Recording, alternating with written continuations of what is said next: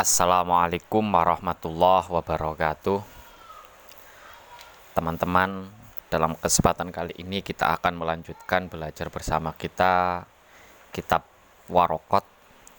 Namun sebelumnya mari kita baca Al-Fatihah terlebih dahulu ala hadiniyah wa ala kulli niyatin sholihah ila hadratin nabiyil mustafa sayyidina Muhammadin sallallahu alaihi wasallam wa ila hadrati abaihi wa ummahatihi wa dzurriyyatihi wa ikhwanihi minan nabiyyin wal mursalin wa ali kullin wa ashabi kullin ajma'in wa syuhada was sholihin wal awliya aina makanu min masyarikil ardi ila magharibi barriha wa bahriha wa biladihi wa jibaliha wa ila hadrati abaina wa ummahatina wa asdatina wa jaddatina wa akhwalina wa khalatina wa amamina wa ammatina wa masyayikhina khusun syama'ali fil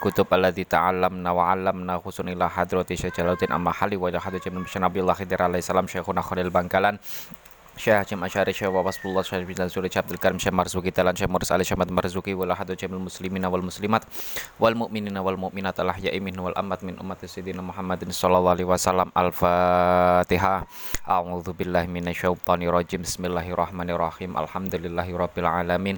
Ar-Rahmanir Rahim Maliki Yaumiddin. Iyyaka na'budu wa iyyaka nasta'in Ihdinas siratal mustaqim.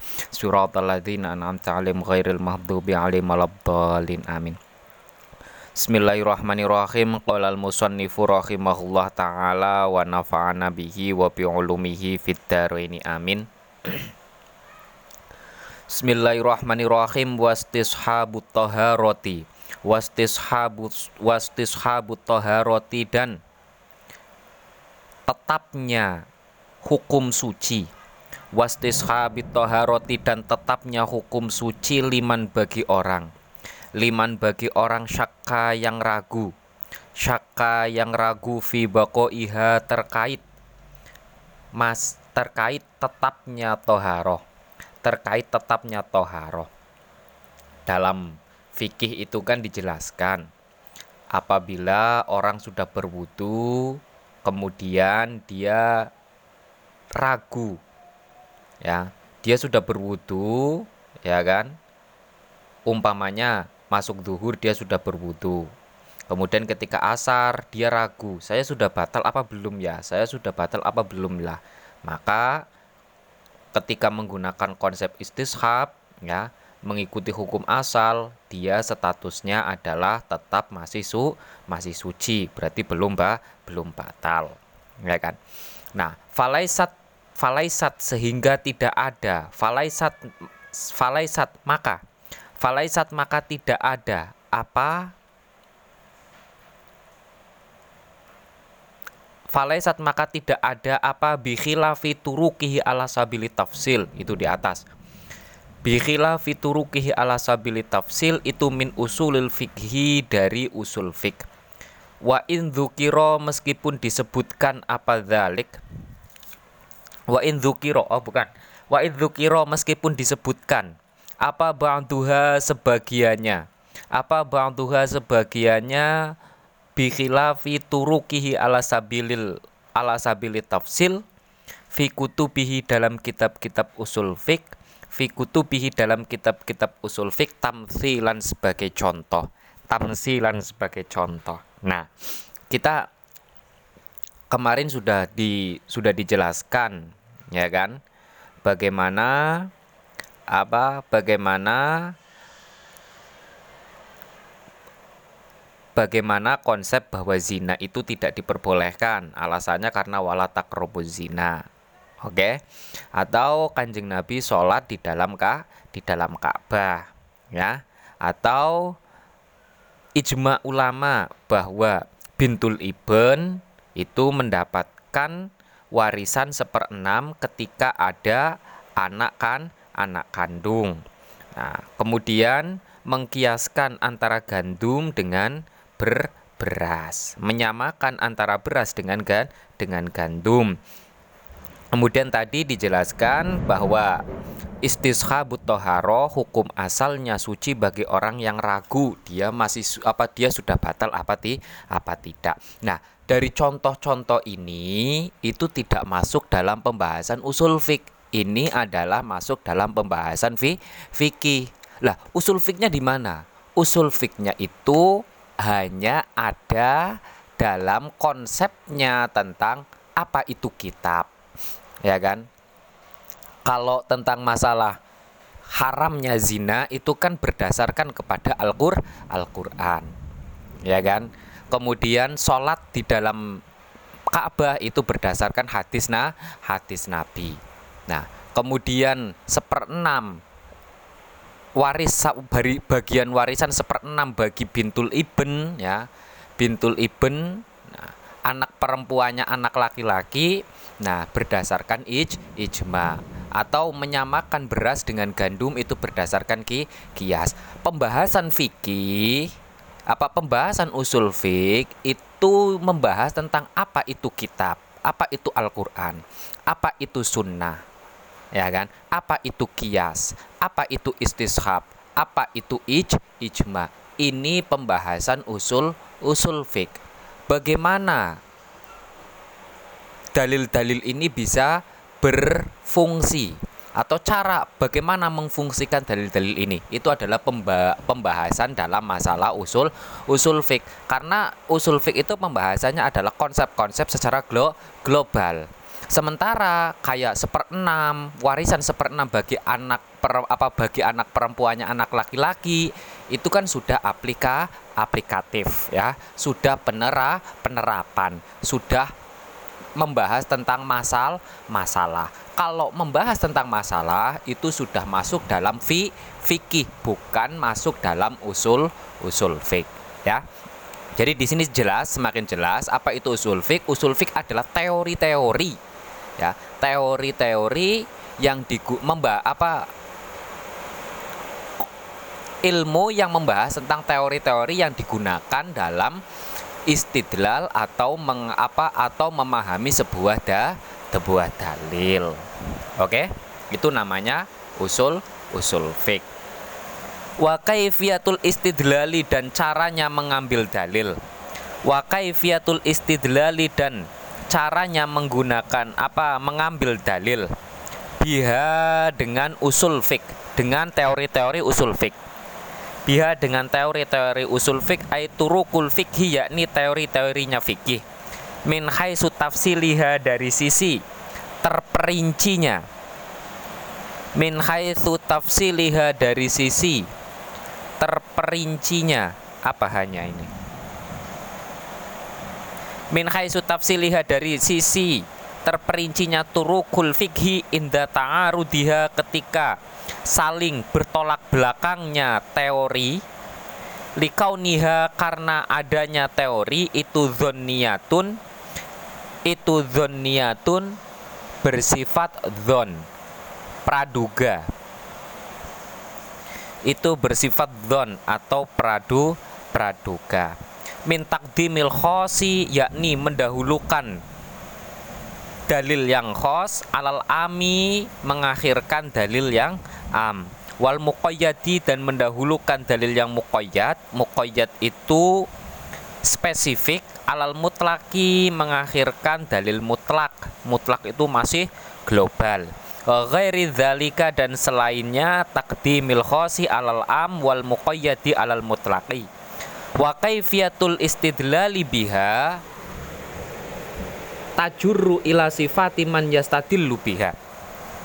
Wa kaifiyatul istidlali saya jelaskan dulu. Wa kaifiyatul istidlali biha. Nah usul fik juga menjelaskan tentang bagaimana caranya kita mengambil sebuah da, dalil mengolah sebuah da, dalil. Tadi poin pertama usul fik itu adalah teori umum. Ya teori umum dalam memahami da, dalil. Ya, poin yang kedua dalam usul fik adalah cara mengoperasikan, cara menggunakan teori-teori terse tersebut. Nah, apa contohnya? Kayak dalam usul fik itu ada konsep takdimul am, takdimul khos alal am. Ketika ada perlawanan, ketika bertolak belakang antara dalil yang satu dengan dalil yang lain, ya kan? Yang satu sifat dalil yang satu sifatnya umum, yang satu sifatnya lebih spesifik, maka konsepnya dalam usul fik itu adalah mendahulukan dalil yang spesifik dan mengakhirkan dalil yang masih um umum. Mendahulukan dalil yang sudah khusus, mengakhirkan dalil yang masih um masih umum. ya kayak contohnya begini itku rokobatin dalam sebagian teks itu adalah itku rokobatin bagian apa? Hukuman bagi apa kafaroh kafarot tebusan itu adalah di antaranya itku rokobatin memerdekakan bu budak. Nah dalam dalam teks yang lain lagi dalam ayat yang lain justru disebutkan adalah itku rokobatin mukminatin memerdekakan budak yang mukmin yang berim beriman ya kan Teks yang pertama kan itku rokobatin saja, cuma memerdekakan budak. Berarti kan ya budak apa saja, ya budak apa saja, baik beriman ataupun ti tidak, muslim ataupun non mus non muslim. Tapi di lain di ayat yang lain disebutkan itku rokobatin mukminatin. Tidak semua budak, tapi budak-budak yang mu yang mukmin. Jadi kan ini kan lebih spesifik, lebih khusus, ya kan? kalau ada terjadi pertolak tolak belakang antara begini berarti kafarot itu apa itku rokobatin saja atau itku rokobatin mukminatin. Nah karena ada perto ada tolak belakang antara yang umum dan yang khusus maka didahulukan yang hu yang khusus. Berarti kafarot itu adalah itku rokobatin mukmina mukminatin. Nah itu pembahasannya ya. Mendahulukan yang am yang khos daripada yang am mendahulukan yang khusus daripada yang am yang umum itu ada dalam masalah usul usul fik tapi aplikasinya tadi umpamanya kayak itku rokobatin kafarot ya masalah kafarot itu pembahasannya adalah wilayah wilayahnya fi fi ki ya usul fik itu membahaskan secara teorinya saja ya kalau tadi itu hanya untuk mencontohkannya saja, untuk memberi apa supaya kita paham saja. Tapi wilayahnya, wilayah aplikatifnya ada di fikih, ya. Wilayah teori ada di usul usul fik. Wa kaifiyatul istidlalu adapun cara mengambil dalil biha dengan usul fik itu tajurru menarik. Itu tajurru menarik ila sifatiman pada sifatnya orang ila sifatiman pada sifatnya orang yastadillu yang mengambil dalil yastadillu yang mengambil dalil biha dengan usul fik wahwa adapun sifatuman wahwa adapun man yastadillu itu al mujtahidu mujtahid. Itu al mujtahidu mujtahid. Nah cara ya kan? Kaifiatul istidlal cara mengambil dalil cara mengoperasikan ya cara mengoperasikan dalil lah itu nanti menarik atau menggeret masalah tentang sifatnya orangnya siapa? Terus siapa yang berhak? Terus siapa yang layak untuk bisa mengoperasikan dalil itu? Nah yang layak adalah dalam hal ini ya itu adalah mujtah mujtahid. Mujtahid itu adalah orang yang memiliki kapasitas intelektual ya kapasitas intelektual dan mencurahkan kemampuannya untuk mengambil sebuah dal untuk memahami sebuah da, dalil. Itu namanya mujtah mujtahid. Jadi ada tiga komponen dalam masalah usul fik pertama teori. Teori secara global. Yang kedua, cara mengoperasikan. Kemudian yang ketiga, siapa yang berhak untuk mengoperasikan dalil terse tersebut. Itu dibahas dalam usul usul fik. Ya. Wahua fahadihi salah satu adapun tiga komponen ini, tiga komponen tadi ya. Konsep umum, teori umum, kemudian cara mengoperasikan teori, kemudian siapa yang berhak untuk mengoperasikan teori. Huwa alfanu adalah disiplin ilmu. Al musamma yang disebut yang disebut bi usulil fikhi dengan usul fik. Litawakufil fikhi karena bergantungnya fikih alaihi pada hadihis salasah alaihi pada hadi salata. Nah, ketiga komponen ini disebut dengan usul usul fik ya, teori. Berarti apa itu usul fik? Ilmu yang membahas tentang konsep umum atau teori umum ya, teori umum untuk memahami dalil cara mengoperasikan dalil dan orang yang berhak untuk mengaplikasikan teori terse tersebut. Itu namanya usul fik, itu definisinya. Wa abu abu usul fikhi adapun bab-bab dalam usul fik itu aksamun ada beberapa macam. Al kalamu yakni kalam, wal amru dan amr perintah, al kalam berarti kalimat, al amru wal amru dan perintah. Wan nahyu dan larangan. Wal amu dan umum. Wal khosu dan khos Wayud karu dan disebutkan fihi dalam usul fik apa al mutlaku mutlak wal muqayyadu dan muqayyad. Wal mujmalu dan mujmal kalimat yang masih samar wal mubayyanu wal mubayyinu dan kalimat yang sudah jelas.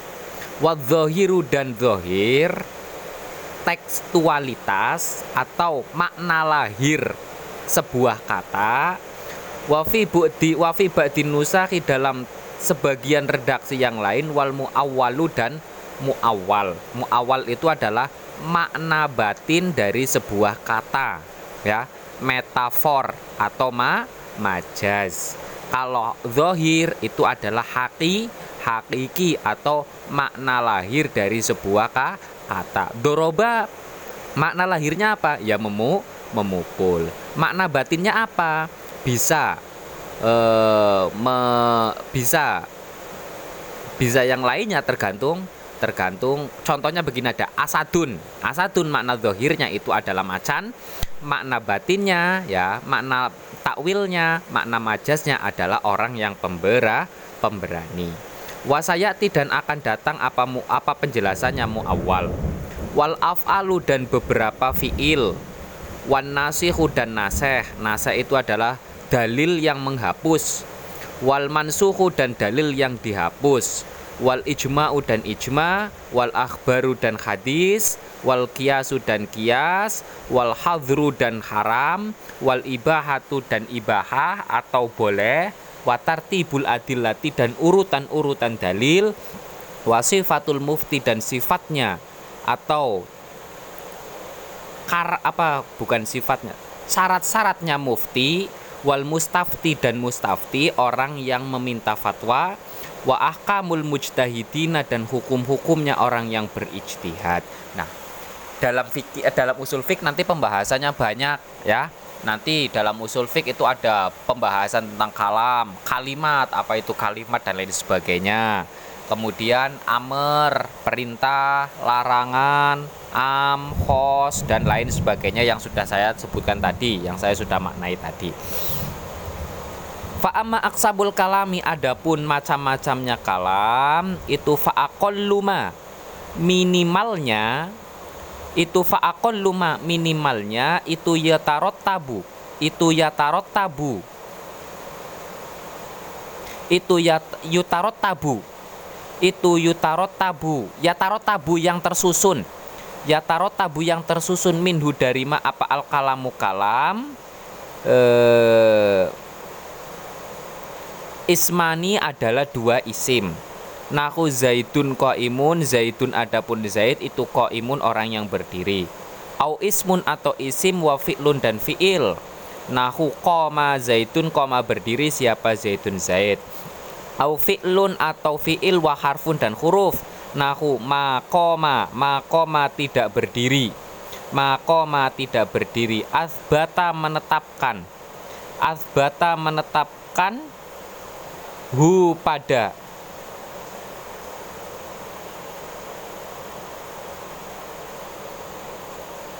asbata menetapkan hu pada makomas asbata menetapkan hu pada makomas siapa ba'duhum sebagian ulama walam yu'adda dan tidak dianggap apa abdomiru domir fi koma dalam lafat koma arroji'u yang kembali ila zaidin pada zaid masalan umpamanya li adami zuhurihi karena li adami zuhurihi karena tidak terlihatnya domir.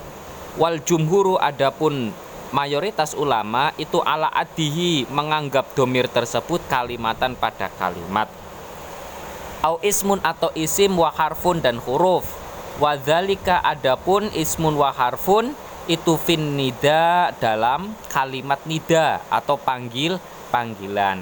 Nahu ya Zaidu wahai Zaid. Wa ingkana meskipun ada apa al makna makna itu ad'u saya memanggil au unadi atau saya memanggil Zaidan pada za pada Zaid. Nah, ini pembahasan pertama, kalam. Kalam dalam usul fik ya kalam dalam usul fik minimal kalam, minimal kalimat itu tersusun dari satu isim dan isim. Kedua, isim dan fiil. Ya. Ketiga, fiil dan hur huruf. Keempat, isim dan hur dan huruf. Ya, saya ulangi lagi. Minimal kalimat ya. Bisa dikategorikan kalimat atau bisa disebut kalimat itu harus tersusun dari isim dan isim. Seperti zaitun kok imun isim dan fiil ya. Seperti koma zai zaitun fiil dan huruf ya. Fiil dan hur huruf. Makoma atau isim dan hur huruf ya.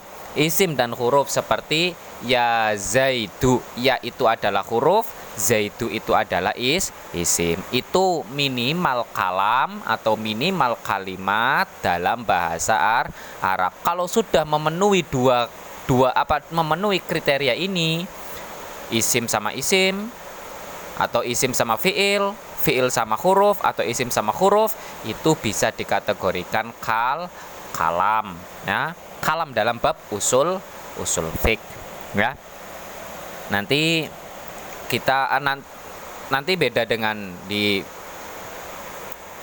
nahu ya. Nahu kan kalam itu harus mufid. Nah, kalau di dalam fikih itu ya minimal ini minimal ya tersusun dari dua dua apa dari dari dari empat macam ini isim isim isim fiil isim huruf fiil hur huruf itu ya mungkin Cukup sekian, nanti kita akan lanjutkan dalam kesempatan selanjutnya. Semoga apa yang kita pelajari bisa bermanfaat. Alhamdulillahirrahmanirrahim. Alhamdulillahirrahmanirrahim. Allahumma inna nastaudi'uka ma'alam tanah fardut ilaina inta hajatina ilaihi ya rabbal alamin. Kurang lebihnya mohon maaf. Bila taufik wal hidayah. Wassalamualaikum warahmatullahi wabarakatuh.